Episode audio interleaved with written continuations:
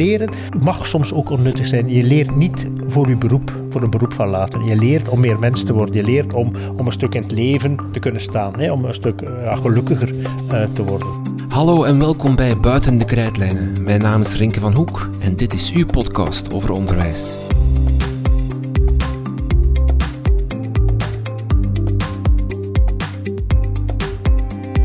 In deze aflevering hebben we als gast Filip Brinkman, de voorzitter van de commissie Beter Onderwijs. In deze commissie werkte Filip samen met andere experts om te komen tot verbeteringen in ons Vlaamse onderwijs. Dat resulteerde in een rapport met 58 adviezen en 10 speerpunten, waaruit minister Ben Wijts nu 13 aanbevelingen gaat doorvoeren. Wij spraken met Filip Brinkman over dat rapport, over de noden van ons onderwijs, het lerarentekort en de vonk zien overvliegen. Filip Brinkman.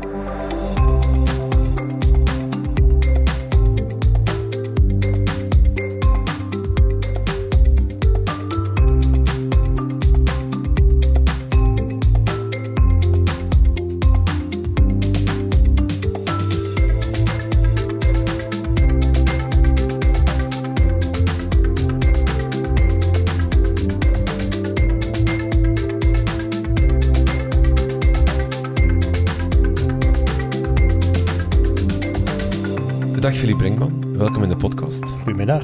Uh, u bent pedagogisch directeur op, van een van de strengste internaten van Vlaanderen, las ik. Ja. Wat maakt uw internaat zo streng? Ja, ze, ze zeggen dat. De media zegt dat. En eigenlijk moet je bij ons op school eens komen om met die leerlingen te spreken. Want die leerlingen vinden dat ook fascinerend, dat dat altijd maar gezegd wordt. Ik denk dat we niet streng zijn. Ooit had ik een leerling bij mij op mijn kantoor die zei... Meneer Brinkman, dat streng, je moet daarmee stoppen. En wij zeggen dat nooit. Het is duidelijk. Dus wij zijn een enorm, enorme duidelijke school. Hè. Omdat we vinden, niet alleen als internaat, maar ook als school... We zijn een enorm duidelijke school met duidelijke um, spelregels, met duidelijke manieren van met elkaar omgaan. En dat geeft heel veel rust. Daarom doen we dat. Maar streng. Ja, als je streng noemt, we, ze mogen, leerlingen mogen geen gsm bij zich hebben. Is dat streng? Ik weet het niet. Onze leerlingenraad, ieder jaar kom ik samen met de leerlingenraad om te kijken uh, welke regels op de school moeten veranderen. Die regel moet blijven bestaan voor de leerlingenraad. Dus streng. Het is eerder duidelijk, consequent, duidelijk, een veilig klimaat vind ik de, want we gaan het hebben over het rapport Commissie Beter Onderwijs. Vind ik alle speerpunten terug op uw school? Goh, u moet eens komen kijken. Ja, ja? ja dus er zijn nu al heel wat bezoeken geweest hè, van mensen die komen kijken. Uh, nee, onze school is ook een school uh, van vlees en bloed. Dus er zijn ook een aantal dingen waarvan ik vind van dat kunnen we nog, nog, nog beter. Uh, maar het is natuurlijk, ja, het is sowieso zo dat alles wat erin staat, dat we dat ook op onze school proberen te realiseren. Maar 104 leerkrachten betekent niet dat je ze allemaal onmiddellijk op één lijn krijgt. Hoe komt een directeur van een Sint-Jozef Instituut in Turnhout aan het hoofd van de commissie die het onderwijs in Vlaanderen moet redden, om het even ja, dramatisch dat is heel mooi gezegd. Ja, een raadsel. Dat is voor mij een raadsel. Uh, ik, ik ben zeker en vast tweede keuze. Bedoel, oorspronkelijk had men dat aan Dirk van Damme gevraagd. Hè. Uh, u, u, kent Dirk van Damme, je gaat nu een nieuwe commissie leiden die over heel wat andere zaken zich moet uitspreken. En Dirk mocht dat nog niet doen van de OESO, omdat hij nog in, in, in, ja, in dienst was. Um, en ja, toen is men bij mij aangekomen. Maar misschien heeft men nog tien anderen gevraagd. Hè? En die anderen ook gezegd, ik wil het niet doen. Heeft Dirk van Damme u niet aangeraden? Uh, jawel, ik denk wel. Ik heb met Dirk dan ook samen gezeten en, en de minister die het mij vroegen. En uh, ja, eerst had ik daar niet zoveel zin in. Ik ben vrij gelukkig, of heel gelukkig op mijn school. Ik heb uh, genoeg uitdagingen daar.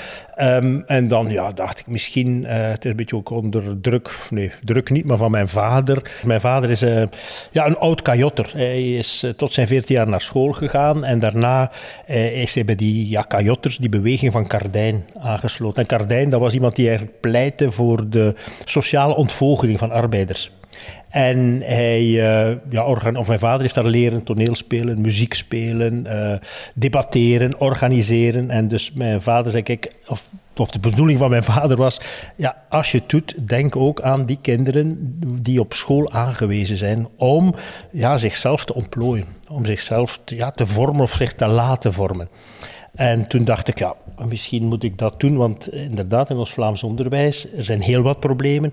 En een van de problemen is dat we een aantal kinderen of jongeren niet bereiken. We bereiken ze niet, we krijgen ze niet mee. En er zijn al heel wat recepten op, op, op geprobeerd of toegepast. En toch lukt het niet. Hè. Men, je hoort het, die kloof, die kloof wordt nog altijd groter. En dan dacht ik, oké, dan uh, gaan we het rapport ook zeker met die achtergrond, en dat lees je ook in de inleiding, met die achtergrond is dat rapport ook ontstaan. Maar onze invalshoek is een stuk anders dan de oude recepten. Dus je hebt oude recepten die in het onderwijs binnengekomen zijn in de jaren 70, 80. Wij hebben een ander recept. En dat is? Ja, eigenlijk de, de jongste twintig jaar, als ik het zo mag zeggen, de jongste twintig jaar is er een enorme ja, vooruitgang gekomen in de kennis van de cognitieve psychologie. En dat bedoel ik de leerpsychologie. Hoe leer je? Hoe zet je, en dat vergeten mensen soms, men zegt soms we leven in een informatiemaatschappij, uh, pardon, we leven in een kennismaatschappij, maar dat is niet zo. We leven in een informatiemaatschappij. En dat is, het grote, dat is het grote misverstand dat er is. Je vindt veel informatie in de maatschappij, maar daarvoor heb je kennis nodig om daar iets mee te doen. Ja, inderdaad. Je hebt kapstokken nodig om die om te zetten. Ik passeerde hier net op de ring. Ik denk dat de kunstacademie was. En ik passeerde, ik zag daar een, een, een, een doek hangen aan de gevel. En daar stond Anton van Wilderode op. En daar stond een stuk gedicht, of sting, nee, daar stond een gedicht op. Ja, ik heb een kapstok nodig. En dan denk ik, oh, Anton van Wilderode zal de schilder zijn, of wat zal dat allemaal zijn? Als je kapstokken hebt, heb je een aantal dingen om dat eraan vast te hangen en om, om eigenlijk verder te kunnen gaan. En dus de leerpsychologie heeft ontdekt hoe dat we leren. Hoe doe je dat eigenlijk? Hoe zet je, hoe zet je informatie om naar kennis? Wat is daarvoor nodig? En in de vorige podcast, als ik daar mag refereren, hoor ik dat heel goed van over taal dat men ook sprak over, over voorkennis, over automatiseren. vroeger noemde men dat drammen, indrammen. en de leerpsychologie zegt, ja, dat is nodig. er zijn een aantal stappen nodig om informatie om te zetten. Dat is het eerste. En het tweede nieuwe, dat, dat veel beter bekend is dan vroeger, is de, de, ja, de leraren-effectiviteitsstudies. Er zijn studies gemaakt, of er zijn enorme studies die kijken van wat doen goede leerkracht. Goede leerkrachten zijn dus leerkrachten die leerlingen aan het leren krijgen. Door een bepaalde manier van onderwijzen. Want leren en onderwijzen zijn niet hetzelfde. Dat wordt door elkaar geslagen. Maar wat doen die? En die twee aspecten hebben we in ons rapport ook gestoken. Zeg, kijk, we moeten meer het onderwijs vanuit die twee polen herdenken. En we hebben dat de jongste twintig jaar ja, verwaarloosd. En ik merk ook, en in ons rapport gooien we naar niemand met een steen, want dat was ook echt de, de bedoeling. En ook, dat moet ik eerlijk zeggen, ook de minister vroeg dat, zeg kijk, doe maar, je krijgt carte blanche. Ik wil alleen één ding niet hebben, dat is dat je uh, ja, een steen gooit naar iemand die een fout gemaakt heeft vroeger. Dus bij ons ga je daar nergens iets over vinden. Uh, het enige is, ook in de lerarenopleiding, ook bij jonge leerkrachten, hoor je weinig dat ze daar iets over geleerd hebben. Over wat is nu die, die, die, die leerstrategieën, hoe werken die, hoe, wat moet je dan doen? Ik ga toch even advocaat van de duivel spreken. Moeten we niet toch benoemen waar het fout gelopen is? U zegt van het, het, rapport gooit geen steen en ik snap natuurlijk dat dat ook niet zo, misschien niet zo heel nuttig is om te gaan vingerwijzen, maar anderzijds eh, eh, is, is, is er natuurlijk wel een oorzaak of een reden? Is er een bepaald, bepaald onderwijs in, ons, in, onze, in onze maatschappij geslopen dat toch voor een kwaliteitsdaling heeft gezorgd. Moeten we de oorzaak niet vinden, en dat kan dan een, een, een, dat moet niet per se een persoon zijn of een groep mensen zijn, maar dat moet wel benoemd worden, zodat we het kunnen aanpakken? Ja, ja, ja, ja, ja en nee. Ja. Of nee, eerst misschien uh, niet de personen, dus daar hebben we niks over gedaan. Personen, we hebben wel, in ons rapport, dat zie je heel duidelijk, hè, als je uh, het eerste deel bekijkt, het eerste deel gaat over de kracht van leren. Hè. Dus er zijn vier delen in ons rapport de kracht van leren. Wel, daar geven we heel duidelijk aan waar dat het fout gelopen is.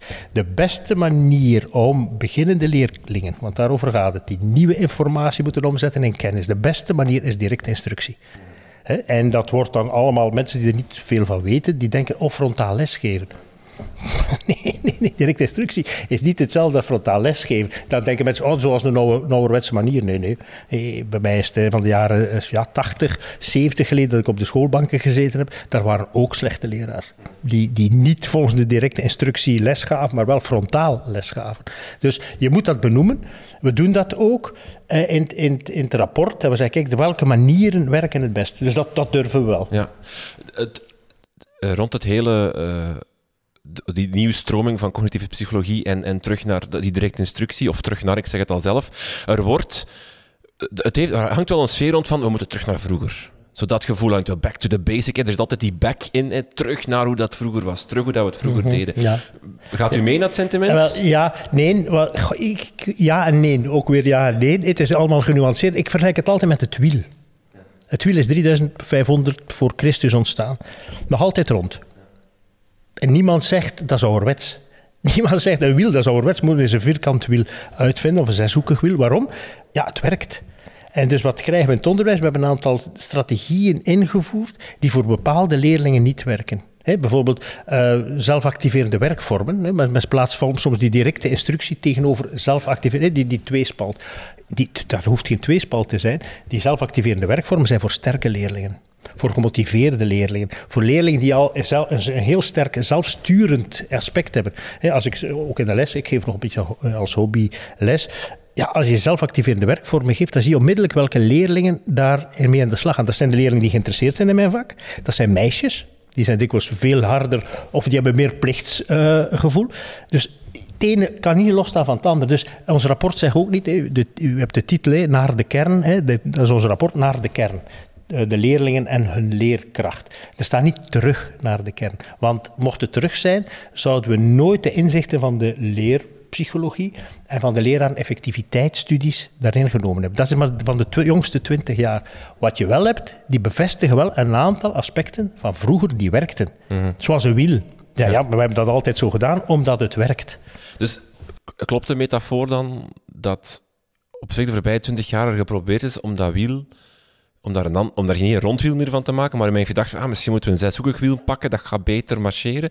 En nu moeten we constateren, met ook de nieuwe wetenschappelijke kennis die we hebben, met de, de cognitieve psychologie die uh, volwassen geworden is of zo, of die, die betere uitspraak kan doen van wat er werkt en wat niet, dat ronde wiel dat we eigenlijk al hadden, dat marcheert eigenlijk best. Ik denk dat dat ja, mooi, mooi, een mooie samenvatting is. En wat, je kunt zeggen, maar wat, waarom hebben we dat dan gedaan? Daar zit geen slechte wil in van die mensen. Die dat, maar dat zit in de mens. Een mens zoekt altijd andere wegen, vernieuwing. Hè. Je hoort de modernisering van het onderwijs. Dan denk je, wat, wat moet er allemaal gemoderniseerd worden? Dus dat zit in de mens. Vernieuwen, dat is het eerste. En het tweede, en daar moeten we heel goed uh, over nadenken in het onderwijs. Uh, in het onderwijs is ook een soort marktmechanisme binnengeslopen. En dat is jammer. Hè. Ook heel het ICT-verhaal, de digisprong. Ik ben daarvoor. Maar je, kunt daar, je moet heel goed opletten dat je niet meespringt op een kar die eigenlijk door de markt aangestuurd wordt. En onderwijs moet losstaan van de markt. Losstaan, hè. Ik wil daar straks verder op ingaan, uh, maar ik wil eerst nog één ding erbij halen, is uh, die vernieuwing die er voorbij twintig jaar geweest is. Uh, ik, ik, volg ik wil perfect volgen dat dat op zich uh, misschien fout was of dat daar foute ideeën in zaten. Maar u zegt het zelf, die zijn niet tot slechte wil gekomen. Die zijn er wel gekomen omdat er een nood was om iets anders te doen, denk ik ook wel. Niet ik, ik, ik hoor nog ik, ik nog een directeur zeggen die een paar jaar geleden bij ons te gast was op school om, om te vertellen over waarom hij eh, met, met groepen ging werken en met grotere groepen ging werken en meer zelfstandig werk ging invoeren, wat een beetje ingaat tegen wat, wat bijvoorbeeld in het rapport staat, waar toch meer de nadruk wordt op die directe instructie. Hij doet dat omdat er een, een, een veel diverse publiek voor hem staat. Omdat het niet meer lukt op de huidige manier in klasgroepen van 25 met een leerkracht daarvoor, dat lukt niet meer. Is, Ehm, gaan we niet tekort aan, aan het feit dat er wel een drang was om te veranderen, omdat het niet meer ging? Mm Gaan we daar niet aan voorbij? Ja. Ik, nee, nee, ik denk inderdaad, er moest iets veranderen. Maar ik denk dat we juist de verkeerde kant ingeslagen zijn om te veranderen. Ik denk als we die groepen, laten we zeggen, ik ga nu spreken over kansarmen. kinderen eh, vanuit een kwetsbare onderwijssituatie. Of kinderen met een etnisch-culturele minderheid. Of uit een etnisch-culturele minderheidsgroep. Hoe kun je die best van al mee betrekken? Dat is door ja, de inhoud, de kennis te vergroten en niet te verkleinen. En dat is wat ons rapport een stuk zegt. Ons rapport zegt bijvoorbeeld, en dat doen we op onze school ook, we hebben een aantal leerlingen die het, het, het minimum niet halen voor taal in het eerste jaar. Dus met de eerste brede graad, of de brede eerste graad, pardon, stroomden heel veel kinderen binnen. We zijn een ASO-school, eigenlijk een traditionele ASO-school, maar we hebben een, ook een brede eerste graad. Heel veel kinderen halen dat minimum niet meer. Het zijn niet allemaal allochtone kinderen, het zijn ook kinderen met Vlaamse roots. Wel, die kinderen moeten van ons extra naar school komen. Dus die weten dat. We hebben dat ook uitgelegd. Iedereen is welkom. Als we zien dat, er eigenlijk een, een soort achterstand is, dan gaan wij ons extra inspannen voor je. Maar dat betekent dat jij ook extra moet inspannen. Dus de dinsdag en de donderdag komen die extra naar school, na schooltijd, kwart over vier. Die krijgen een, een, een, een coach van het zesde jaar. We hebben 28 leerlingen van het zesde jaar die individueel leerling per leer coachen. En die moeten ook in de avondstudie blijven. Ja, dus dat is een beetje het omgekeerde. Wat, we hebben, eh, wat hebben de jongste twintig jaar gedaan? We hebben die kinderen, en dat is niet slecht bedoeld, we hebben iets toegepast. En voor mij, we hebben ze een beetje aan hun lot overgelaten. We zeggen, ja, we gaan een beetje het anders aanpakken, maar we hebben, ja, we zijn vergeten dat je kapstokken moet hebben. Je moet kapstokken hebben om, eh, om mee te kunnen, om die kennis om te zetten in inzicht, in cultuur. In cultuur. Ja, want eh, als u dat zegt van ik laat, ik laat de, de taalzwakkere kinderen meer komen, ik denk dat er er is dan ook een, een kant in mij die zegt, allee, garme, die kinderen die moeten dan mee naar school komen. Gaat die eruit, gedrukt er een stempel op van taalzwakke. Zijn gestraft. Ja, die hey, moeten... zijn bijna gestraft. Hè? Ja. Dat, is, dat is een, een, een sfeer die ook wel bij heel veel leerkrachten heerst, of bij heel veel schoolleers. Van, ja. de maatschappij. We, mogen ja, dat, dat diversifiëren of die, dat differentiëren, dat mag gebeuren in die klas, maar niet daarbuiten. Mm, ja. Uh, die stempels moeten eraf, we moeten van die hokjes weg en dat soort dingen. Dat gevoel was er, dat is er heel hard ook. Ja, nu nog. Nu nog. En als je nu een vergelijking, ik werk graag met vergelijkingen. Eh, als je, als je been breekt en je moet naar de kinesist, is dat dan... Is dat dan een straf? Of zeg, oh my, wat een, wat, een, wat een luxe krijg je om tien beurten uh, op, op kosten van de samenleving. Ja, nee, uw spieren weer te trainen. Waarom zien we dat daar anders? Ik bedoel, en in de klas, je mag niet naïef zijn. Ik, ik heb heel veel leerlingen daarover gesproken. stel je voor, we zijn hier nu fijn aan het praten en er komt hier iemand binnen en die roept u en, u zegt, uh, en die zegt kom eens eventjes mee naar met de zorgleerkracht. Die gaat u nog een beetje bijspijkeren. Dat werkt ook stigmatiserend. dat werd enorm of heel veel kinderen, en sommige directeurs zeggen, ja, maar bij ons moeten ze niet uit de klas, we zetten er iemand naast. Ja, alsof dat, dat niet stigmatiseerd werd. En het voordeel is, als je die in een groep hebt, dus gisteren zaten er 16, gisteravond waren er 16, die krijgen ook eerst 16 samen nog wat instructie. Uh, en dan gaan die met, met, een, met een leerling van zesde jaar apart gaan zitten. Um, die bevestigen elkaar. Die zeggen, ik ben niet alleen. Dat, dat geeft een soort gevoel van. En als je dan in die groep eens een goed antwoord geeft, dan zeg, die, zeggen die anderen ook amai. Maar dan anders, in die andere klas zit je altijd aan het staartje, altijd. En we onderschatten uh, het, het groepsgebeuren op school. We hebben, we hebben het onderwijs, maar dat is een heel ander aspect, dat komt ook in ons rapport voor, maar we hebben het onderwijs veel te veel geïndividualiseerd. Als je mensen hoort praten, uh, is het altijd de talenten van de kinderen tot ontwikkeling brengen. Wel, ik ben een West-Vlaming. Uh, mochten ze mijn talenten tot ontwikkeling hebben laten komen, was ik misschien de beste krachtballer van het universum, maar ik heb krachtbal gespeeld. En voor de rest interesseerde mij niet zoveel. Gelukkig hebben ze in het onderwijs bij een aantal dingen. Dat ik fantastische leraars gehad voor geschiedenis. Dat, is boeiend geschiedenis. En de talenten. Het is, het is individualistisch. En dus wat we proberen ook met die kinderen die een bepaalde achterstand opgelopen hebben, geef ze meer kansen. En leg het dan ook uit. Het is een kans. Dat zei ik ook aan de jongen. Want moet er niet flauw over doen. Het was ook inderdaad, ik krijg soms mama's. Uh, vorige week nog een mama aan de lijn gehad die, die, die dat zei: meneer, hij moet, hij moet gaan voetballen. Dus ja, hij moet gaan voetballen. Ik zei, oké, dat kan. Maar in het begin van het jaar hebben we goed gevraagd, wanneer kun je, wanneer kan je niet. We passen ons daar een stuk op aan. Hè. Sommige kinderen inderdaad. Ik vind dat heel belangrijk voor hun eigen waarde, dat voetbal. Maar, ik, je moet daar tijd voor maken. Ik heb dan die mama dat uitgelegd. Zeg, je wist, bij inschrijving, hier staan we voor. We zijn ook een jezuïtenschool. Dus wij, wij vinden dat een van onze grootste opdrachten op dit moment. Om... Um, ja, Jezuïeten staan altijd, misschien is dat een klein zijsprongetje, staan altijd eh, aan de, ja, kijken in de maatschappij waar de breuken zitten. Dus heel veel jonge Jezuïeten, de basisjezuïeten, zitten in vluchtelingenkampen. Omdat dat een van de grote, uh, naast milieu, maar een van de grote uitdagingen. Dus wel een van de uitdagingen die wij in het onderwijs zien, is om die groep van kinderen erbij te krijgen. En dat weten ze ook. Dus we zeggen dat bij de inleiding, we zeggen dat bij de voorstelling van de school, bij al onze infodagen. Geen probleem, u bent welkom, maar we verwachten een aantal dingen van u. Onze verwachtingen zijn hoog. En dat klinkt ook wel. Dus we hebben een, een, een grote instroom van kinderen uit kwetsbare gezinnen. En dan als je dat goed uitlegt, dan is het kiezen. Dan is mevrouw, ja, u hebt voor ons gekozen. dan moet u mee dat verhaal in dat verhaal. En dat is geen straf, want dat is eigenlijk gratis bijles. En ik zeg dikwijls, onze rijkere kinderen, die, die betalen daar 30 tot 50 euro voor, wat u hier gratis krijgt. Zou je voor heterogene groepen gaan of homogene groepen, als je eh, mag kiezen? Dus niet, niet het een, niet het ander, met het, en alle twee. Ik denk, je moet voor uh, een, een, een, ja, een zekere heterogeniteit gaan, maar de spreidstand mag niet te groot zijn. Want het rapport heropwaardeerd, de homogene groep, mag ik dat zeggen? ja, ja, dat mag je zeker zeggen, omdat het doorgeslagen is. Men, het, het is eigenlijk doorgeslagen. Ook de brede eerste graad um, heeft men vroeger al uitgeprobeerd in het VSO. Ik heb ook in mijn beginjaar nog lesgegeven in het VSO. Fantastisch, fantastisch. Was niet te betalen toen. We zaten een paar mooie dingen in. Er zijn ook een aantal dingen die niet werkten. We gaan in de toekomst zien of het zal werken. Ik denk dat het niet zal werken, de brede eerste raad. Je hoort het. Je hoort ook de, hoe de, de, de, de, de barstjes die erin zitten om leerlingen te, te, te oriënteren.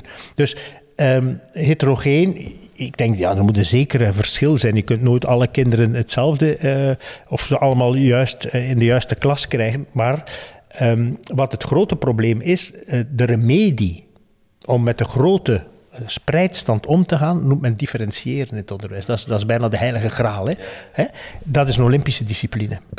ja, je kunt, ik bedoel, ik geef al heel veel jaren les. Je kunt dit niet verwachten van iemand die minder dan of moet een top zijn. Iemand die minder dan vijf jaar les geeft, kan niet differentiëren. En dat is iets dat het meest moeilijk is. Stel je voor dat ik hier moet differentiëren. Zeg, wil je dit nu eens uitleggen voor die? En ja. Dat is heel moeilijk. De sociologen zijn het niet met u eens. Allee, of nee. Mieke van Houten heeft, heeft, heeft op het rapport fel gereageerd op dat stuk van die Klopt. homogene groepen. Um, sociologie of onderzoek heeft ook al aangetoond dat latere uh, differentiatie of latere oriëntering beter is. Voor, voor, voor niet voor het leren. Hè? Nee, maar voor, voor kansengelijkheid. Ja, ja, dat klopt. Dus het, is dat een keuze die je moet maken als maatschappij? Waar, waar dat je... Ja, ik denk, ik, ik denk echt, als we het, als we het echt... Um, erover eens zijn dat we de, de lat voor iedereen willen gelijk leggen, dat we iedereen gelijke kansen willen geven, dan moeten we iets anders doen. Dan moeten we allemaal verhuizen. En moeten we allemaal samen gaan wonen. Ik bedoel, ik in, in, in Gent, ik, ik, ben eigenlijk in Gent afkomstig en in Gent hebben wij werking uh, voor kansarme kinderen. En dat, is, dat heet Nieuw Gent. Dat zijn blokken uh, die daar staan. En 600 meter verder in Gent is er het Miljoenenkwartier. Dat zijn twee groepen. Als je het echt, uh, als het menens is om die, die kansen gelijk te maken, dan moeten we verhuizen in elkaar. Dan moeten we een soort mengen, ook qua woonst. Want daar zit het grote verschil. Daar zit enorm ding. En wat doen we als maatschappij? We zijn niet moedig genoeg om dat te durven. En we geven de, ja, de hete aardappel, wordt doorgegeven aan het onderwijs. Als je ze maar genoeg kansen heeft, zal iedereen opklimmen. Dat is, dat is niet waar. Niet iedereen kan, kan opklimmen. Dus ik begrijp de socioloog. Vanuit sociologisch oogpunt hebben ze gelijk, maar niet vanuit het leren. Ze hebben nooit, zij kijken niet naar het onderwijs van, oh ja, maar wat is daarvoor nodig? Je moet kunnen, je moet kunnen informatie omzetten in kennis. Is dat, waarom dat, is dat waarom dat ik zelf altijd een soort van gevoel heb van spanning als het, als het daarover gaat? Enerzijds dat, dat, dat streven naar excellentie, om dat woord even te gebruiken, tegenover streven naar kansengelijkheid. Ik heb het gevoel dat die twee dat die op een bepaald niveau samengaan, maar dat als je echt de keuze maakt, dat, je, dat de een van de twee inboet. Het is heel moeilijk om excellentie of, of, of gewoon uh, leren en, en tot, tot een hoog niveau van leren gaan, ambitieus zijn op vlak van leren en ambitieus zijn op vlak van kansengelijkheid, om dat samen te doen. Het, het, is een balans die toch altijd één van de twee overhoudt. Ja, en, en dat komt eigenlijk een stuk omdat de maatschappij het, ja, het, het, moet ik het nu heel mooi zeggen, maar een bepaald aspect overwaardeert. En dat is de maatschappij, dat is de markt, die bepaalde diploma's overwaardeert. En met overwaarderen bedoel ik financiële. Ja. En natuurlijk krijg je dan kinderen die daar niet kunnen aan voldoen. En krijg je altijd dat spanningsveld in het onderwijs, omdat ze aan ons altijd ja, een beetje weer, weer die, die stok doorgeven of die, die, die, die hete aardappel doorgeven. Van jullie moeten zorgen dat iedereen gelijk aankomt. Ik zou zeggen, niet, niet iedereen hoeft gelijk aan te komen. Wat wel is, die inkomensongelijkheid hoeft niet zo hoog te zijn. Hmm. Het, het, het, de CEO moet niet 20.000 keer meer verdienen dan, dan zijn werknemer. De, de bouwvakker of ja, als zijn werknemer. Als, als zijn werknemer. Dat is de tirannie van verdiensten uh, ja, van, van, Michael Sandel, het boek waar we ook al, al podcastaflevering gemaakt hebben. U heeft dat uh, ook al in een interview gezegd met uh, Zwijgen is geen optie trouwens, een aanrader om ook te bekijken, zit ook in de show notes. Dat die problematiek nu wordt ook bij beland zijn, mag ik zeggen dat dat niet op zich een van de vier focussen was van, van, van de commissie Beter Onderwijs? Als je de inleiding leest, zie je en het slot... Ja, ik heb, als, je, als je googelt, op, als je Ctrl-F doet, dan vind je twee referenties naar Stendel terug in de commissie Beter Onderwijs. Dus het, zit er zeker in, maar het is... Ja. Op, zich, op zich lossen jullie het probleem van de, van de onderwaardering van het BSO niet op. Nee, nee, of... nee, daar is ook te weinig. Dat is een van de zwaktes ook van het rapport. Uh, dat is zo complex. Uh, het BSO, er zat ook iemand in, een fantastische uh, dame, ook in onze commissie, uit het, uit, uit het BSO. Er zat iemand TSO, er zat mensen uit het BUZO, kleuteronderwijs. maar het is zo complex dat we daar geen oplossing voor hebben. Onze oplossing, als je één zaak in het rapport neemt, wat is, wat is onze oplossing? Dat is de titel. We moeten naar de kern. Het onderwijs is te ingewikkeld geworden, te complex. Er zit, in West-Vlaanderen zeggen we, er zijn te veel kotterijen. In West-Vlaanderen, die, die en overal zet je een kotje bij. Hè. Eentje voor de konijnen, keuntjes, zeiden we bij West-Vlaanderen, eentje voor de kippen. Dit is veel te ingewikkeld geworden. We moeten terug naar de leerling. Wat is essentieel? De leerling en hun leerkracht. En dat bedoelen we, we hebben de kracht van leren van kinderen verwaarloosd. Dus de Homo sapiens sapiens is een fantastische uh, diersoort, hè, uh, die veel rapper dan enig ander dier iets nieuws kan leren. Wij zijn niet aangewezen op mutatie. Wij kunnen hè, binnen één generatie heel veel nieuwe dingen leren. En dat hebben we onderschat, dat hebben we verwaarloosd de jongste jaren. En ik wil niet terug, want misschien moet ik dat ook willen zeggen. Ik wil niet naar uh, Shanghai of zo, hè, waar men echt mensen doordramt, indramt. Uh, dit hoeven we niet. Onze cultuur is anders. Ik, ik, denk niet dat kinderen hier, dit hoeft niet. Maar we moeten wel die gepassioneerde leerkrachten weer terugvinden die zeggen, kijk, op school, als je bij mij in de klas zit, dat probeer ik ook, als je bij mij in de klas zit, krijg je iets wat je elders niet kan vinden. In hoeverre is heel die daling van het onderwijs, dat, die, de daling van onderwijskwaliteit, dan wordt er gezocht naar oplossingen of problemen of oorzaken binnen het onderwijs. Terwijl als ik u hoor vertellen over de, de onderwijs is de markt binnengekomen, uh, we, overwaarderen bepaalde richtingen, we, we, zijn onze focus op de kern kwijt, omdat vanuit de maatschappij veel meer gevraagd wordt van onderwijs. Hè. We moeten, een, een, een leerkracht moet uh, ook opvoeden, moet ook aan burgerschapseducatie doen, moet ook... In hoeverre is eigenlijk heel die probleem van onderwijskwaliteit gewoon ligt de oorzaak bij onze maatschappij of zo. En, en, en nu stellen we commissies aan die vanuit onderwijs die het binnen onderwijs moeten oplossen, maar misschien moeten we als maatschappij breder, dus het breder onderwijs, gaan nadenken van wat zijn we aan het doen. Ja, hoe, hoe, hoe, willen, hoe willen we onze maatschappij eh, organiseren? Ik denk dat dat inderdaad zo is. En, en in het onderwijs zie je die problemen die in de maatschappij zijn, zie je ja, kernachtig samenkomen. Hè? Omdat die groepen daar, daar samenkomen en daar zie je die problemen. Hè? Onlangs, een paar weken terug, hoor je dan hè, nieuws over de, dat, dat de, de, de ouders de schoolfactuur niet meer kunnen betalen. En dat is dan hot news. En dan komt het over de brooddozen. Ja, maar niemand in heel dat interview vroeg zich af, ja, maar zijn die schoolfactuur nu duurder geworden? Want die schoolfactuur zijn niet duurder geworden. De mensen bezuinigen eerst op een schoolfactuur. Waarom? Ja, omdat je, de kans heel groot is dat u niemand, geen, je zult geen deurwaarder aan uw deur vinden van een, een, een, school die zegt, we gaan die ouders nu ook nog eens pluimen. En dat bedoel ik, daar wordt dan zo heel veel nadruk op gelegd, maar er wordt nooit gekeken naar, ja, maar het onderwijs is ook wel slachtoffer. We zijn slachtoffer van alles wat in die maatschappij verkeerd loopt, maar men kijkt ondertussen ook wel naar ons om de oplossing uh, te geven. Dus het is inderdaad, zoals u zegt, het is een, een breed maatschappelijk uh, probleem. Maar ja, daarom ben ik ook in het onderwijs gegaan. Ik, ik, ik, dat klinkt idealistisch, maar nee, het is ook zo. Ik uh, in het onderwijs gegaan omdat ik denk van... Het, de, je kunt een maatschappelijke verandering teweeg brengen dankzij goed onderwijs. Dus ik hoop dat wij met onze leerlingen, met die mensen op pad te gaan, rond milieu bijvoorbeeld, een aantal dingen in beweging te kunnen zetten. Hmm.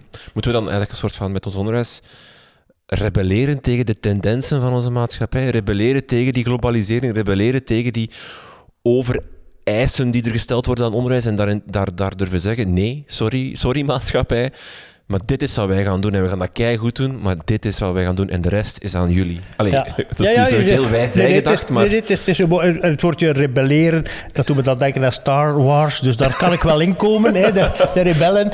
maar goh, ik zou zeggen tegen, tegengewicht geven, tegenwerk geven. Duidelijk durven zeggen, nee, dat doen we niet. Uh, dit, en, maar jammer genoeg, als we dat zeggen met een aantal, en er zijn er meer dan dat, dan, dan dat men vermoedt, die dat ook vinden in het onderwijs. Zeggen we, nee, we moeten hier nu tegengewicht geven word je heel rap in het hoekje geduwd van conservatief. dat je niet vernieuwend bent. En men vergeet, men vergeet dat een vernieuwing of een verandering, dat is niet noodzakelijk een verbetering. En men slaat die, al die V's door elkaar. Vernieuwing, verandering, verbetering. Men denkt dat dat één, één pot nat is. En er zijn heel veel vernieuwingen die een verslechtering zijn.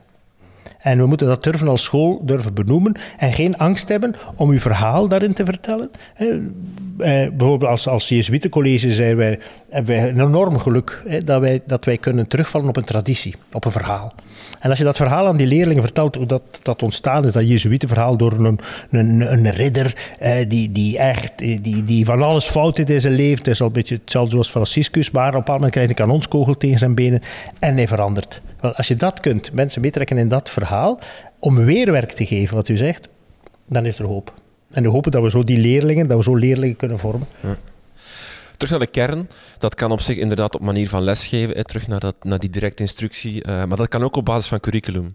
Hè, u, u, heeft ook al gezegd van ja, die 16 eindcompetenties, waaruit dat curriculum, die eindtermen dan, om het te benoemen, zijn opgebouwd, dat zijn er gewoon te veel. Ja, het zijn die 16 sleutel, hè, die sleutel, sleutel uh, ja, het is geen probleem, die sleutelcompetenties. Er zijn er 16, die zijn men durft daar niet veel aan morrelen en sleutelen. Ik begrijp dat ook, want die zijn moeilijk tot stand gekomen. Dat zijn 16 sleutelcompetenties. Men heeft daar een algemene bevraging voor gedaan in Vlaanderen. Iedereen kon daarop intekenen.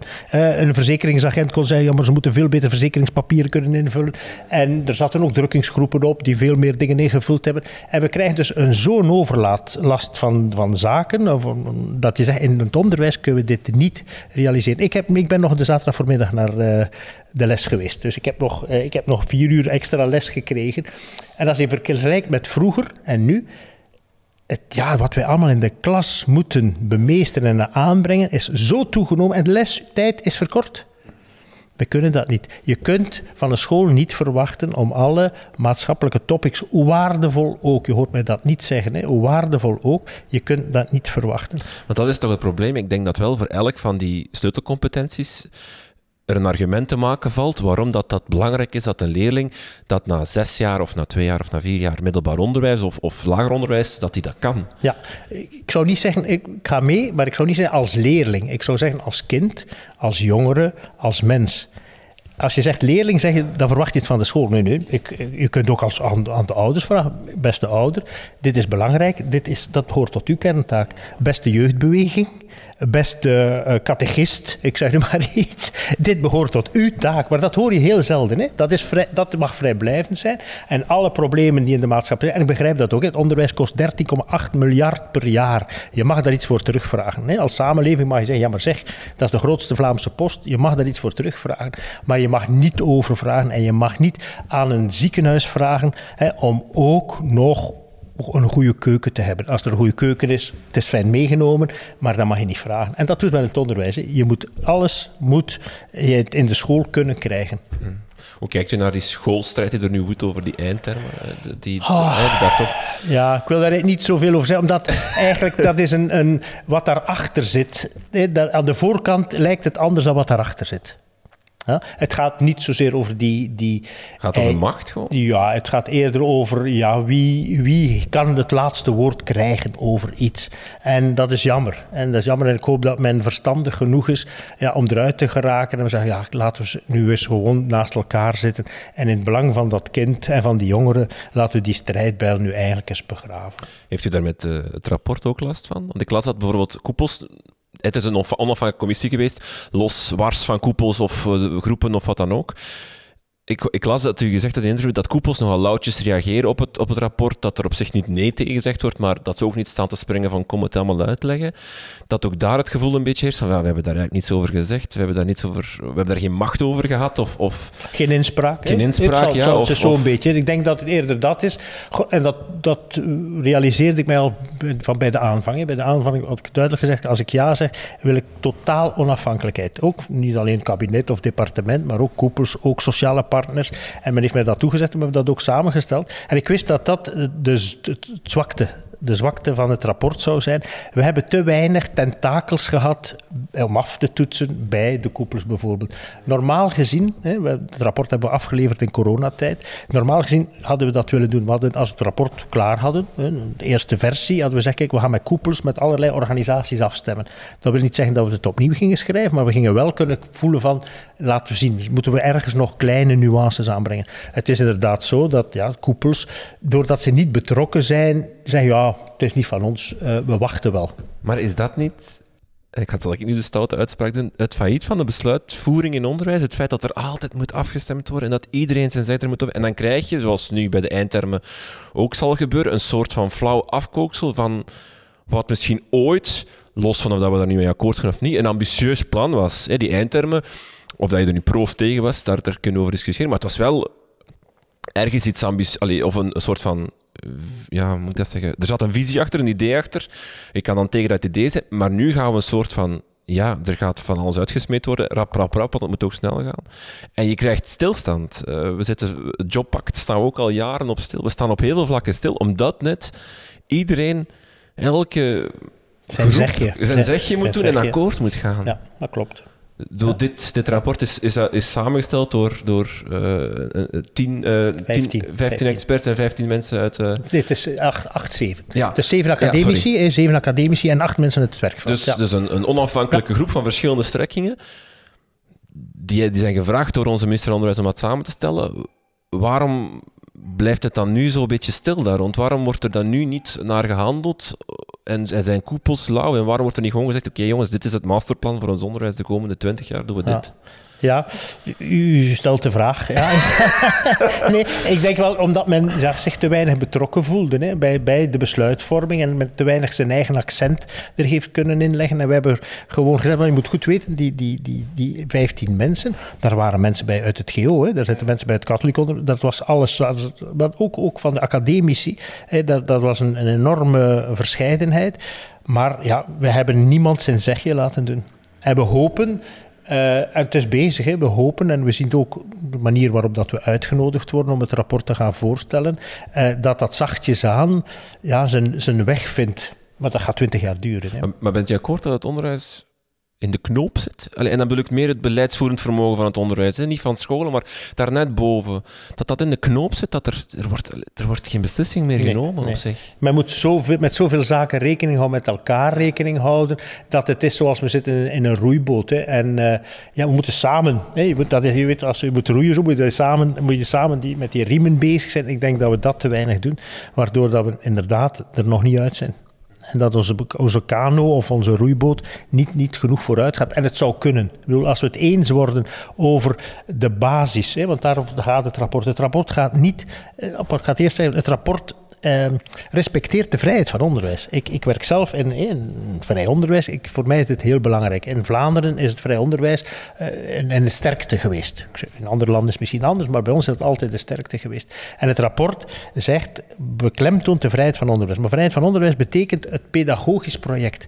Uh, vrijheid van onderwijs is niet dat je uh, uh, ontslagen wordt om op met de juiste didactische methode iets aan te leren. Er zijn goede manieren om tot lezen te komen en er zijn slechte manieren. Er zijn goede manieren om iemand te opereren als een appendix en langs de neus werkt dat niet. Als een dokter zegt, ga ik een langs de neus proberen, gaat onmiddellijk andere artsen zijn die zal zeggen, dat kun je niet doen. En in het onderwijs ga je eigenlijk, de vrijheid van onderwijs is het pedagogisch project kennis is belangrijk.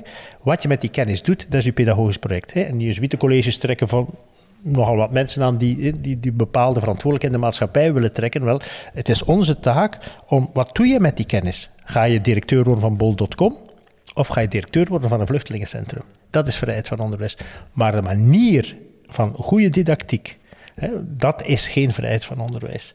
En dat, op dit moment lijkt dat nog altijd bij vrijheid van onderwijs te zijn. Hè? Hoe dat je dingen geeft. Er is een goede didactiek en er is slechte didactiek. Moet er dan meer greep op, of grip op ons onderwijs komen? Goh, dat is moeilijk, want dan zit je onmiddellijk in dat woordje staatspedagogiek. Hè? Nee, ja, nee. Er moet meer gezond verstand komen dat bepaalde mensen, dat iedereen zegt, ja, maar we weten dat we weten dat ook, als je ons rapport leest, er is een enorme bibliografie. Die academici die, die uh, bij ons in, in, de commissie zaten, die hadden een enorme bagage. En er was mijn angst dat dat niet zou overeenkomen met de werkvloer. Eh, en dat kwam enorm overeen. Dus als, dat was mijn angst om die twee te kunnen verenigen. Dus staatspedagogie, nee, ja, gezond verstand en kijken wat werkt en dat durven benoemen en afstappen van heilige huisjes. Uh, maar als je voor naar Engeland kijkt bijvoorbeeld, hè, waar wel bijvoorbeeld uh, rond lezen zijn er heel veel experimenten gebeurd, maar uiteindelijk merkt men, ja, wat we vroeger deden marcheert het beste, up, men voert dat gewoon nationaal door en men ziet opeens leescijfers stijgen. Dus Ierland ongeveer hetzelfde. Er wordt nu ook bijvoorbeeld hè, wat, wat Excel van Thomas More, die kijken ook heel hard naar hoe Engeland dat daar doet daar wordt wel met een beetje afgunst naar gekeken. Zou dat dan niet beter zijn? Moest er... Ja, die staat... Oké, okay, het woordje staatspedagogiek klinkt niet zo heel tof. Nee, maar, Dan, gaat u, uh, dan gaat u de grondwet moeten veranderen. Hè? dat kan op zich, hè? Ja, dat kan. dan gaat je grondwet moeten veranderen. Dus, goh, maar je bent geen voorstander, hoor ik. Nee, goh, ik, ik heb zoveel goede ervaringen vanuit het vrij onderwijs, ook als kind, dat ik denk, het moet toch mogelijk zijn? Het was vroeger mogelijk. Waarom zou het nu niet mogelijk zijn dat we met gezond verstand zeggen, het is die richting die we moeten uitgaan? Ben ik wel, bent u wel akkoord als, als ik zeg dat er wel een drang is vanuit de politiek om er meer grip op te hebben? Ja, dat klopt. En er met centrale toetsen probeert men dat nu deels te doen met... Uh, ik weet niet of het kenniscentrum dat er nu komt, dat daar misschien ook een... het leerpunt, dat dat misschien ook een soort van manier is om... Maar ik weet niet of het... Of het ik denk niet dat het greep is. Men wilde, men wilde eigenlijk een signaal geven. Men wil eigenlijk een soort uh, bakens geven, vuurtorens misschien, om te zeggen, kijk eens, ook daaraan kan je zien dat er bepaalde dingen niet werken. En dus die, die centrale toetsen, dat zal het probleem niet oplossen hoor. Want in Nederland zijn er centrale toetsen, die zijn hetzelfde bedje ziek als, als wij die centrale toetsen als, hè, en dat hebben we in ons rapport ook gezegd, als er aan een aantal voorwaarden voldaan zijn, kan dat helpen aan een school om te zeggen, zijn we goed bezig? Want op dit moment, als je een directeur vraagt, denk je dat je goed bezig bent, zal, zal iedere directeur zeggen, ja, ja, ja, we zijn goed bezig. En als je dan zegt, ja, maar laten we eens kijken naar de leerwinst van uw leerlingen, dan zeg oh, dat is wel verrassend. En dus die centrale toetsen willen dat voor een stuk uh, mee in kaart brengen. De voorwaarde zal natuurlijk zijn, we moeten erover waken dat die centrale toetsen niet gebruikt zullen worden voor een of andere PR-strategie. En dat is de, grote vraag, die staat ook in, in het rapport. Dus ja, het kan helpen, maar ja de, de, de, de greep, ik zou het niet, niet overdrijven, denk ik. We moeten vooral gezond verstand hebben. En, en dat de mensen die, die het beleid maken van de onderwijsverstrekkers en de, de politieke verantwoordelijken, dat ze nu eindelijk zeggen, laten we dan nu zo... We hebben alle, allemaal te winnen. We hebben mhm. allemaal te winnen. Ja. Terug even naar die 16 sleutelcompetenties. Het zijn er te veel. Hoe, hoe gaan we naar minder?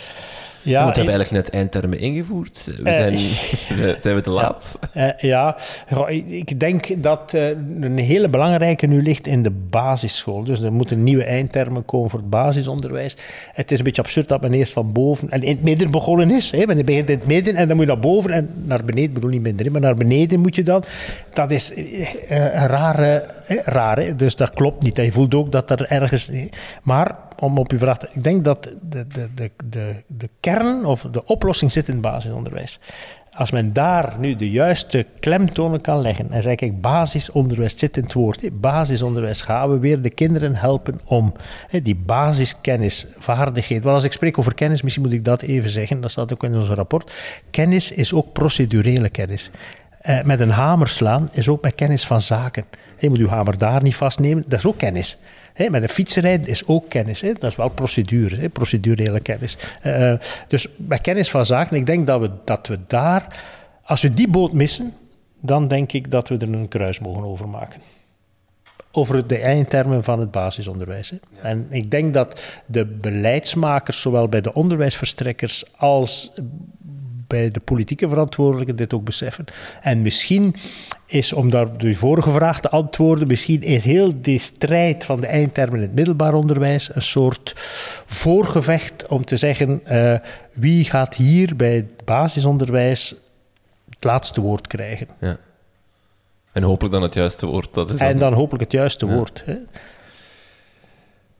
We hebben nu al over heel veel uitdagingen gesproken van het onderwijs, maar misschien de allergrootste ik weet niet hoe je er naar kijkt, het lerarentekort. Ja. Is dat de grootste, waar we, of misschien de meest prangende, het meest eh, kritieke? ja, maar het hangt allemaal samen. Hè. We krijgen, we krijgt, ja, je krijgt zo weinig leraars voor de klas. Maar ik ga het anders zeggen. Waarom zou je nog leraar voor de, worden voor de klas als je niet meer voor de klas mag staan? leer, je staat niet, het wordt allemaal gepromoot dat je, dat je een soort coach bent, een soort onderhandelaar. Je moet over alles onderhandelen. Wie wil dat nog worden met, met kleuters of, of, of, of, of tieners. Dus het hangt allemaal aan elkaar, maar inderdaad, het leraartekort is, is, ja, is, is een enorm probleem. Hè. Wij zitten in een college, mijn leerlingen weten dat. Ieder, iedere dag gaat geen dag voorbij dat ik zeg, jij wordt leraar. ja, iedereen, en dan zo, kijken ze zo, of ik stuur soms een mailtje naar iemand, hè, dan denk ik van, jij moet leraar worden om die en die, die reden. Uh, paar jaar terug had ik nog iemand, ik heb de vorige keer ook gezegd, die, die, die top was om leraar. Is ook leraar geworden. Die zit in een Brusselse context, waar ik bijzonder trots op ben. En zijn beste vriend kwam bij mij en die zei, meneer Brinkman, u had dat niet mogen doen. Ik zei, oei, Adriaan, wat is er? U hebt hem overtuigd om leraar te worden en hij kan veel meer. He? Voilà, dat is het dat, dat moet veranderen. Dus door, in het rapport schrijven dat door meer met onze core business bezig te zijn, doordat we meer een expert zijn op leren en niet alleen op ja, allerlei zaken aan te leren, doordat we expert worden voor wat we zijn, gaat ook ons het respect en ons aanzien vergroten. Nu zijn we manusje van alles moeten van alles doen. We moeten, als er iets is, ik heb er niks tegen, maar een lege brooddoos, dan zeggen naar ons, ja, maar ik wil wel helpen met die lege brooddoos, maar mijn expertise ligt wel daar. Ik heb uw kind leren lezen, ik heb uw kind leren rekenen, ik heb uw kind leren uh, uh, proeven van geschiedenis. Dat is, toch, dat is toch fantastisch. Dus ik denk dat is één dus dat, doordat we dat doen, dat we ons meer specifiek richten van wat kun je van een leraar verwachten en wat niet. We moeten duidelijk zijn, dat moet je, je niet verwachten van mij. Ik zit er ook mee in, maar ik wil wel helpen. Dus als je ziet in mijn job ook als pedagogisch directeur, ik ben ja, bijna psychotherapeut. De vechtscheidingen, die, die erbij, die, de ellende die vechtscheiden met zich meebrengen. Je kunt er van mij niet verwachten dat ik één en die kinderen hun, hun, hun, welbevinden vergroot. Twee, die ouders bij elkaar breng. Want dat zou het probleem kunnen oplossen. Nee, onze kern is, ik wil leerlingen gelukkig maken door iets te geven wat ze elders niet vinden. En als die leerling op, dag, ik heb dat, hè, op het einde van de dag zegt, meneer, ik was die problemen thuis toch wel vergeten, zeker?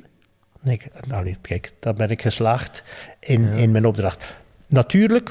Maar hoe krijg je die problemen uit, uit, niet, niet uit de school? Dat, dat maar, gaat niet. Ik, want ik vraag me wel af, kunnen we nog terug? Nee. Als in, we zijn als leerkracht zoveel dingen geworden, omdat, we, omdat het ook moest, omdat ze ook...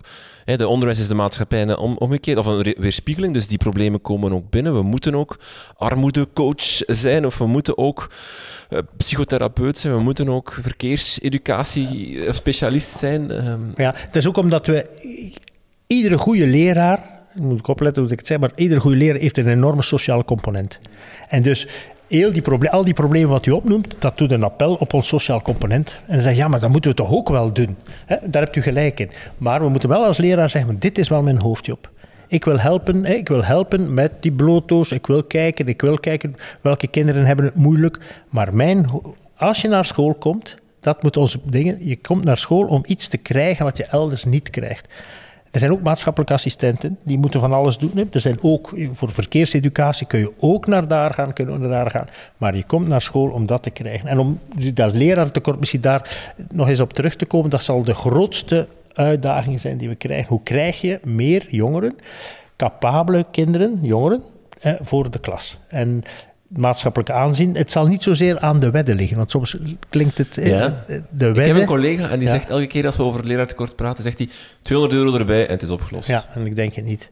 Ik denk, ik denk niet dat het opgelost Als ik dat mijn leerlingen vraag, vraag aan mijn leerlingen, het wedden-aspect komt heel zelden naar voren. Ze zeggen, meneer, met die lastige kinderen alle dagen. Die zeggen dat, hè. Die zeggen, oeh, lastige kinderen, je bent, zelf, je bent er zelf in. En die zeggen, ja, maar ik zie dat die leraar moet altijd tien keer hetzelfde zeggen en dan dit. En dat wil ik niet. Ik wil niet met die tieners heel de tijd vragen. Dus, uh, en als ik dan vraag aan hen, misschien heb je dan echt niemand waar... Jawel, ze hebben daar echt leraars waar ze naar opkijken. En zou je dat dan niet willen? Ja, dat, ja, als je het zo ziet, dat zouden we misschien wel willen. Maar men vindt dat het, als, het respect dan van een maatschappij naar een leraar toe, dat dat, dat te laag is. Hè. Een leraar, wat vroeger wel was. Hè. Maar hangt dat dan niet samen met, met geld? Ik weet het niet goed. Daarnet hadden we het over hè, die financiële waardering die gegeven wordt aan een CEO tegenover zijn werknemer of tegenover hè, het, het BSO en, en ISO-verschil. Het neerkijken van daar heeft ook vaak vanuit de waardering en dat dan vaak financieel die later komt. Mhm. zou, zou dat... Ik, ik denk dat vooral bij jongens als ik naar mijn leerlingen goed luister, is het vooral hun beeld op de vlakke loopbaan. Dat je daar altijd, heel je leven zit je in een fuik. En misschien hangt dat ook met geld samen. Dat ze denken van, ja, je hebt dan altijd dezelfde, dezelfde wedden. Dat je eigenlijk niet kunt ja, beter worden of promotie maken. Dus bij jongens zit dat er wel in. En dat heeft misschien dan wel met dat geld te maken. Dat je geen promotie... Ik had een promotiekansen noemen. In plaats van geld, promotiekansen. Eén keer een leraar, altijd leren. Of je moet directeur worden. En daarom in het rapport spreken we ook van een expertleraar. Ja, dat, dat is een van de aanbevelingen. Hè, een expert-leraar positie creëren? Ja. als, als in, je kan als leraar doorgroeien naar een expertleraar. Wat, wat houdt dat in? Ja, dat is eigenlijk om een beetje te verhinderen dat die hele goede leraars het onderwijs zouden verlaten. En zei, kijk, je krijgt eigenlijk doorgroeimogelijkheden. En een expertleraar is iemand die ook door scholing, door, ook door scholing zijn, zijn kennis en zijn vaardigheden doorgeeft aan jongere leerkrachten, maar ook aan de lerarenopleiding. Dus we ervaren in, in de praktijk in onze scholen een te grote kloof tussen de lerarenopleiding en, en de praktijk. En dat is weer niet, niet, niet slecht bedoeld, hè, maar jonge mensen die pas afgestudeerd zijn, die schrikken zich verrot. Dat heb ik niet voorgesteld. Hoe, hebben we dat niet voorgesteld? Je hebt toch, je hebt toch stages gedaan? Vroeger hadden wij oefenscholen. Hè? Dat bestaat niet meer, maar we echt oefenscholen waar je kon gaan oefenen. Wel, eh, ik denk dat we dat een expertleraar is degene die dat overbrengt. En dat geeft, ik, in onze commissie ook zaten een aantal echt fantastische leerkrachten. Hè. Dat we ze er hebben kunnen uitpikken, dat wil zeggen, het zijn er nog veel. We hebben ze kunnen uitpikken en die zeggen ook, ik wil wel blijven lesgeven, maar ik wil dat doorgeven. Ik wil dat doorgeven aan nieuwe leerkrachten. En als je die mensen dan een bepaalde status geeft, met een financiële verloning erbij, want ze hebben zich gespecialiseerd, dan, dan ga je zo dat nivellerende in het onderwijs een beetje doorbreken. En moeten ze geen directeur worden. Ik zeg niet dat de beste leraars directeur geworden zijn, maar en ik hoop dat het, niet, dat het niet zo is. Dus dat zijn expertleraars, die die kennis doorgeven, kunnen ook in dat kenniscentrum zetten, kunnen zeggen wat werkt. Ze hebben een bepaalde autoriteit, hè. ze zijn bekend met didactiek, ze zijn bekend met onderwijskunde. En ik hoop dan hè, dat ze dat kunnen doorgeven aan jongere leerkrachten begeleiden en aan de lerarenopleiding. Ja. Maar dan trek je ze wel weer weg uit de klas. Deels of halftijds. Dat is wel vaak zo de oplossing soms. Of, of, het, of het, als we spreken over die loopbaan doorbreken, dan is het vaak een detachering of, of dat. En, en terwijl, als we gaan kijken naar het aantal leerkrachten dat er eigenlijk zijn, op absoluut het getal, zijn er eigenlijk heel veel. Problemen, ze staan niet voor de klas. We hebben pedagogisch begeleiders bij de vleet, we hebben detacheringen, we hebben, allez, we hebben eigenlijk, ik denk dat we per hoofd van de bevolking eigenlijk heel veel leerkrachten hebben in Vlaanderen. Ja. ik denk dat, nu één, ik denk dat nu uh, ja, één leerkracht op negen leerlingen is in Vlaanderen. Ik denk dat dat, als je alle gedetacheerden neemt en alle mensen die in, de, in het beleid zitten en, en, en, en de begeleidingsdiensten, ja, klopt. En ik had dat de minister ooit gevraagd om een beetje te, te uit te dagen. Kijk, we zitten met een enorm leraartekort, met COVID ook. SOS eh, onderwijs, roep iedereen terug voor de klas. Maar terug. Dus ook alle begeleiders, ja, ja, ja. inspecteurs, de inspecteurs, daar zitten 144 topleraars, mag ik hopen. Uh, roept die allemaal voor de klas. Uh, om, om eigenlijk dat onderwijs nu met de lerarentekort wat we nu mee zitten, om het signaal te geven, daar gebeurt het. Ja. Bent u, is het een serieus voorstel? Ja, dat is mijn serieus voorstel. Ja. Om dat te vragen, kijk, doe dat eens. En misschien durft men er niet op ingaan, maar probeer toch die oproep te doen. En het is dubbel, je laat dan zien, het gebeurt in de klas. Daar gebeurt het. Dat is het allerbelangrijkste van de school. Niet het financiële hart van de school. Je moet financieel gezond zijn als school. Je moet een goed economaat hebben of secretariaat. Maar het moet in de klas gebeuren. En als je dat signaal geeft, keer allemaal nu eens eventjes voor twee jaar terug naar de klas. Misschien wil je er blijven, het zou kunnen. Hè? Misschien, misschien loop je nog verder weg en zeg je, oh, ik wist niet dat zo veranderen, maar dat is een kruisbestuiving van alle kanten. Hè? Kan u een inspecteur nemen, een inspecteur die misschien al vijf of tien jaar weg is uit de klas, er is vijf jaar veel veranderd in het onderwijs. Die leert weer van, oei, die kan ook de good practice doorgeven aan die andere leerkracht. Die zeggen, amai, hoe doe jij dat? Dus dit, dit, is echt voorbij, ja, van kant uit een heel serieus voorstel. Want eh, op zich is het crisis, hè? Ja. Allee, bedoel, ik, ja, bij onze school is het echt... Het crisis. Eh, zijn open posities die niet gevuld geraakt, waar we met ja, het gevoel hebben water uit de boot aan het halen zijn, maar het blijft, blijft de gaten in zitten of zo. En, wat doen we in het We zijn eigenlijk braaf, hè? ja, want je krijgt dan... Maar wat mij dan heel hard stoort, zal hier even een persoonlijke... heel hard stoort zijn alle voorstellen die gedaan worden aan begin september, die dan vaak op uh, op organisatie gaan. Hè. Zet meer leerkrachten, leerlingen in een klas. Ga meer als een hogeschool werken. Uh, dat soort dingen die gedaan worden door, door topmannen van koepels. Terwijl wat u zegt is op zich een, een, een ja, het is rigoureus of het is, het is ingrijpend, zal het zo zeggen. Maar het is wel, dit is echt een stop voor in het gat in de boot. Hè. Dat is echt gewoon mensen. Gewoon, hup. Uh, schaf de detacheringen af. roep iedereen terug, inderdaad. Ja, En die mensen die gedetacheerd zijn, doen ook bijzonder werk. Maar je moet, er, maar je moet durven zeggen, dat ander werk is minstens even belangrijk. En we hebben ze nu nodig. Je hebt ooit gekozen voor het onderwijs. Hè? Je, hebt het, je hebt ook het diploma leerkracht. Keer Het is nu crisis. Het is, Het is, dat. Het is ja. crisis. We hebben alle handen nodig voor de klas. Niet buiten de klas om te zeggen hoe dat je het moet doen. Nee, nee. We hebben alle handen nodig in de klas op dit moment om deze huidige generatie, want men onderschat dat, wat we onze kinderen eigenlijk aandoen. Het is eigenlijk verwaarlozing. Hè? Eigenlijk is het een vorm van verwaarlozing. Hè? We, we durven het zo niet noemen, maar eigenlijk zijn we onze kinderen aan het verwaarlozen op het vlak van onderwijs. En het is altijd alle hens aan dek als er zoiets gebeurt met kinderen, terecht. Maar op vooronderwijs, wat we nu doen met kinderen, ik denk dat het te weinig ja, aan de buitenkant gehoord wordt. En, ik, ja, en men denkt, ik denk dat men denkt van ja, er wordt al 13,8 miljard eh, aangegeven. Dat, daarmee moet je het kunnen doen. Maar ik denk dat we gewoon handen tekort hebben. Ze moeten allemaal in het onderwijs. Want het probleem is, eh, alle structurele oplossingen voor het leraartekort, die duren nog tien jaar of Ja. vijf jaar voor Ja. ze Ja, eigenlijk resultaat zullen opleveren. En dat is nog een heel lange periode om te overbruggen met, de handen overbruggen. die we nu hebben. Ja. En men gaat dat proberen op te lossen eh, door de digitalisering. Men, men, men gaat ons dat bij wijze van spreken door de strot duwen. Zeggen, kijk, eh, thuisonderwijs. We hebben gelukkig cor- corona gehad om te laten zien van... Kinderen lusten daar geen pap van. Ik bedoel, de meeste kinderen, jongeren, zijn, zijn blij dat ze naar school mogen komen. Niet zozeer voor die leraar, maar ook voor het gemeenschappelijke, het, het elkaar ontmoeten. Dus de digitalisering zal, kan nooit een oplossing zijn voor het lerarentekort. Dat zal in tegendeel, in tegendeel, het zal het alleen maar erger maken, want er zullen nog minder leraars eh, bereid gevonden worden om voor de klas te komen staan. Zelfs als je zelf les moest geven, we hebben dan les gegeven aan een camera, via een camera naar de leerlingen, dan mis je een van de mooiste aspecten van het leraarschap. Die vonk, hè, die vonk die je kunt doen overslaan in de les, die ogen die je ziet, die vraag, hè, die, die vraag waarop je zit te hopen. Hè. Als je les geeft, je je gooit daar van alle kruimeltjes en je hoopt dat ze die vraag gaat stellen en dan is die leerling die die vraag stelt. En dat je dan daar kunt op antwoorden, dat is toch het mooiste wat er is. En voor een schermpje zie je daar een aantal in een pyjama zitten te kijken, ja. Dus eh SOS, onderwijs. Oké. Ehm, het hele rapport, daar zijn nu 13 aanbevelingen uitgekomen. Hè. Dat heeft eigenlijk... Was op eh, vraag van. Ja, dus, dus minister Wijts heeft er nu 13 aanbevelingen eh, eh, uitgepuurd, zal ik maar zeggen. Waarvan... Dus wij hebben ze mogen voorstellen. Ja. Dus wij, ah ja, want dat ja. was mijn vraag. Bent u er tevreden Ja, ja mee? dus we hebben eigenlijk was het omgekeerd. Dus het Vlaams parlement en de minister hebben gezegd: kijk, de 58 eh advies, dat is fantastisch, maar dat is, dat is te veel om te beginnen. Kies daar nu eens uit, waarmee willen jullie beginnen? Wat, vindt, wat vinden jullie belangrijk om die bal aan het rollen te brengen? Om die tanker te doen keren? Welke, het waren er eigenlijk tien, ze vroegen er tien. We hebben gezegd dat tien, dat is niet te doen. Het zal dertien zijn. En als je goed kijkt, van die dertien hebben we ook een aantal adviezen samengebald. Omdat we zeggen, ja, onderwijs is zo'n groot spectrum.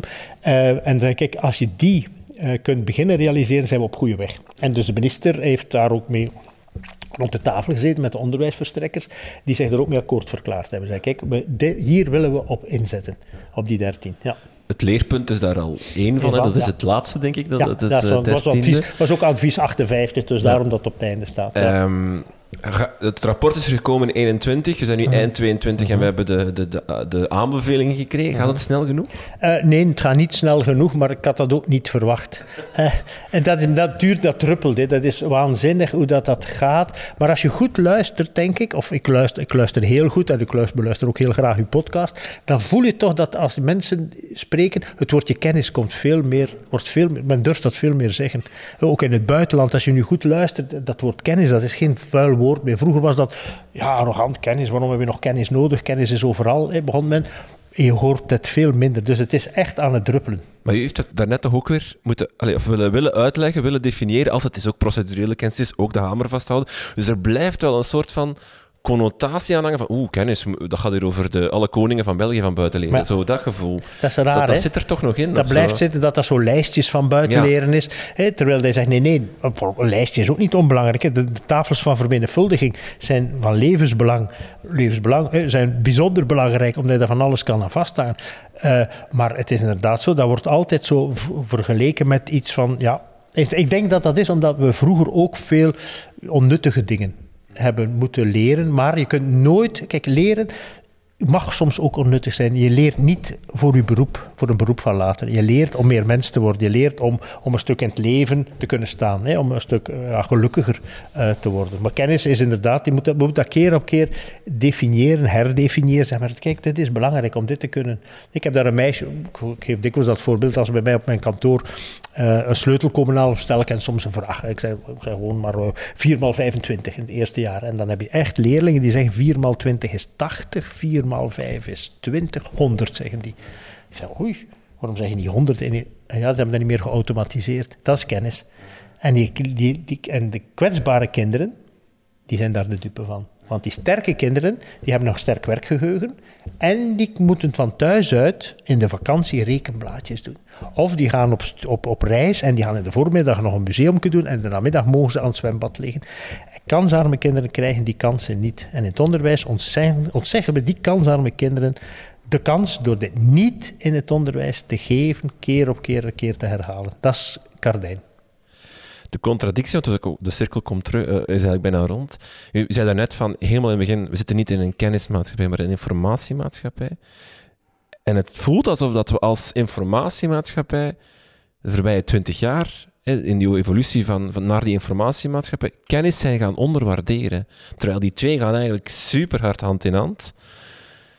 Eh, ja. Ik kunt ook nooit de, de informatie die je krijgt op waarde schatten als je niet voldoende achtergrondkennis hebt. He, ja, dat, tuurlijk. dat is wat er dan gebeurt met een hele groep mensen die dan met fake, fake news, maar ook, de, het was nu onlangs weer, complottheorieën, de meest waanzinnige dingen worden verkondigd. En als je te weinig kenniskapstokken hebt, waardoor dat, omdat je geïsoleerd bent, kun je dat niet aftoetsen. Maar hebben we ons dan in de, in, in de luren laten leggen door de uitspraak, je kan het allemaal opzoeken, we hebben de kennis niet meer nodig. Heeft dat dan echt ons als als maatschappij, we moeten het zo breed zien, we hebben ons daardoor laten vangen. Ja.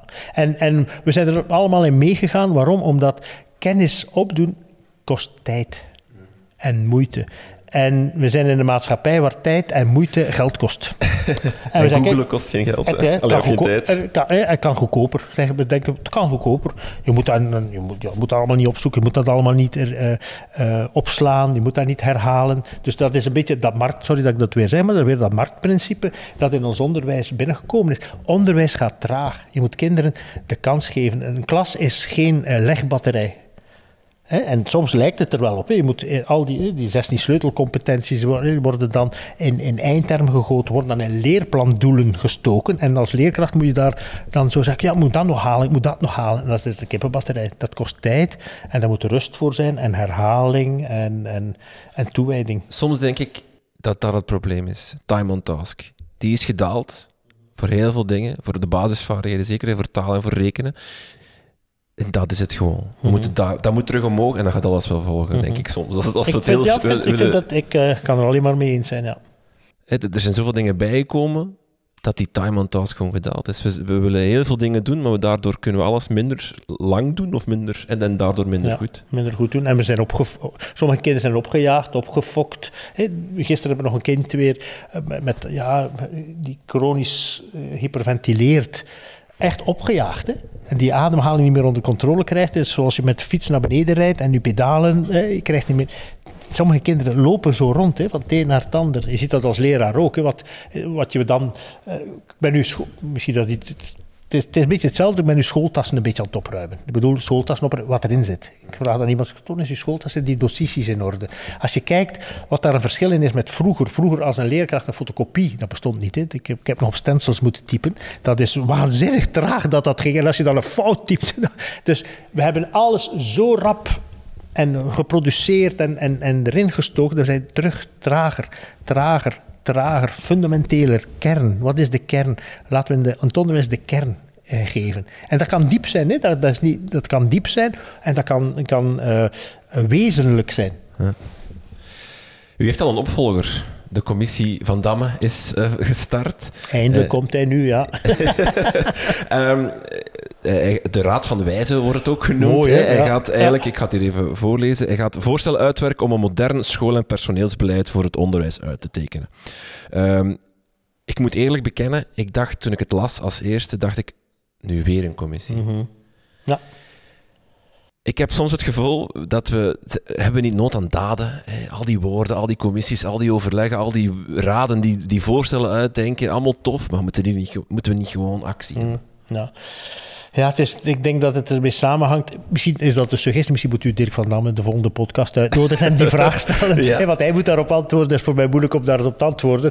Uh, maar het is inderdaad zo. Dat, dat onderwijs is zo complex. En men hoopt, ja, door nu uh, andere mensen te betrekken. En ik heb nog geen zicht op wie daar in die commissie zal zitten van wijzen. Maar ik kon moeilijk weer zeggen onderwijsexperts. Hè, want dat werd van de het commissie... Een, het is een mix van, van, van alles. Het is van alles. Het is van alles. Het, het is allee, het heel veel geledingen in. En nu zitten wel heel veel participanten van overal in. Dus men hoopt om langs daar meer op de structuur, de, de, de, de buitenkant, het huis, het geraamte, om daar iets te kunnen over hebben. Wij met ons rapport hebben iets meer aan de binnenkant gesproken. Hè, over, hoe dat het er van binnenuit gaat, de didactiek, de inhoud. Uh, maar het zijn zeker raakvlakken. Hè. Dus ik, ik, er zullen dingen zijn, als wij spreken over die expertleraar, ja, men zal daar niet aan voorbij kunnen. We zeggen, oké, gaan we daar iets mee doen? Hoe kunnen we dit nu in structuren gieten? Die expertleraar bijvoorbeeld. Maar je hebt gelijk, weer een commissie.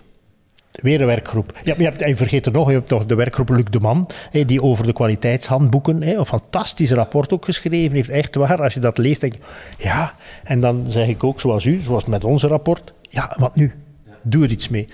En, maar als je goed bij ons rapport ook kijkt, hè, we hebben een dashboard geschreven op het einde.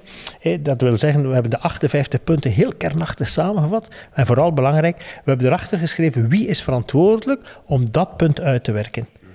En dan zie je, ja, we zijn met velen verantwoordelijk. En ik denk dat daardoor komt dat al die, die, die, die werkgroepen maar bezig blijven. En doordat er vrijheid van onderwijs is, is er vrijheid van handelen. Hè. En bij, ja, bij, zijn we op elkaar aangewezen, maar je moet goed, we moeten goed beseffen dat we ja, moeten eh, de handen in elkaar slaan of het schip zinkt. Dan kunnen we nog wat viool spelen, maar het, het schip zinkt. En ik, ik denk, doordat we met onze commissieleden ook dikwijls nu gaan, eh, we gaan vaak spreken, er gaat geen week voorbij of we gaan ergens het rapport voorstellen, dat er toch een zekere bereidheid is, mhm. denk ik, hoop ik. Mijn laatste vraag, je bent uh, pedagogisch directeur van een, van een school. U, u, uw naam is een commissie geworden. Uh, u, u, heeft een, een, commissie voorgezeten die, die, het onderwijs in Vlaanderen moet redden. En toch houdt u ook nog vast aan een aantal uurtjes lesgeven in de mhm. week. Godsdienst, als ik ja. waarom blijft u dat doen? Ja, ik heb het daar juist gezegd. Het is, ja, ik vind het een waanzinnig iets. Als je leerlingen iets kan geven waar ze zelf niet op het spoor zouden komen. Nu van de vorige lessen eh, heb ik Nietzsche aangehaald. Dat komt, volgend, dat komt altijd in januari terug. Of de les daarvoor heb ik Dostoevsky aangehaald. Allemaal in de godsdienstles. Dat kan allemaal, dat is perfect mogelijk. En als je dan die blikken ziet, en als je dan die vragen krijgt, en als je dan die vonk voelt, die vonk die overspringt van dat is het mooiste wat er is. En als je dan een leerling vraagt die, die dan mij komt vragen, meneer, als ik de gebroeders Karamazov, zou ik dat al kunnen lezen? dat is vierde jaar. Ja, jongen, ja. En waarom zou je het willen lezen? Dat zijn de mooiste gesprekken die, die, die, je, kan, die kan hebben. Het is die vonk die, die je doet overspringen. Iemand iets begeven waar ze zelf niet zouden opgekomen zijn. En dan die, die uitdagende vraag, dat ik denk, daar moet ik eens over nadenken. En dat ja, is het mooiste in het onderwijs. Ja. Zoals andere beroepen ook iets heel, heel, heel mooi hebben. Philip Brinkman, heel veel dank voor dit gesprek. Met plezier.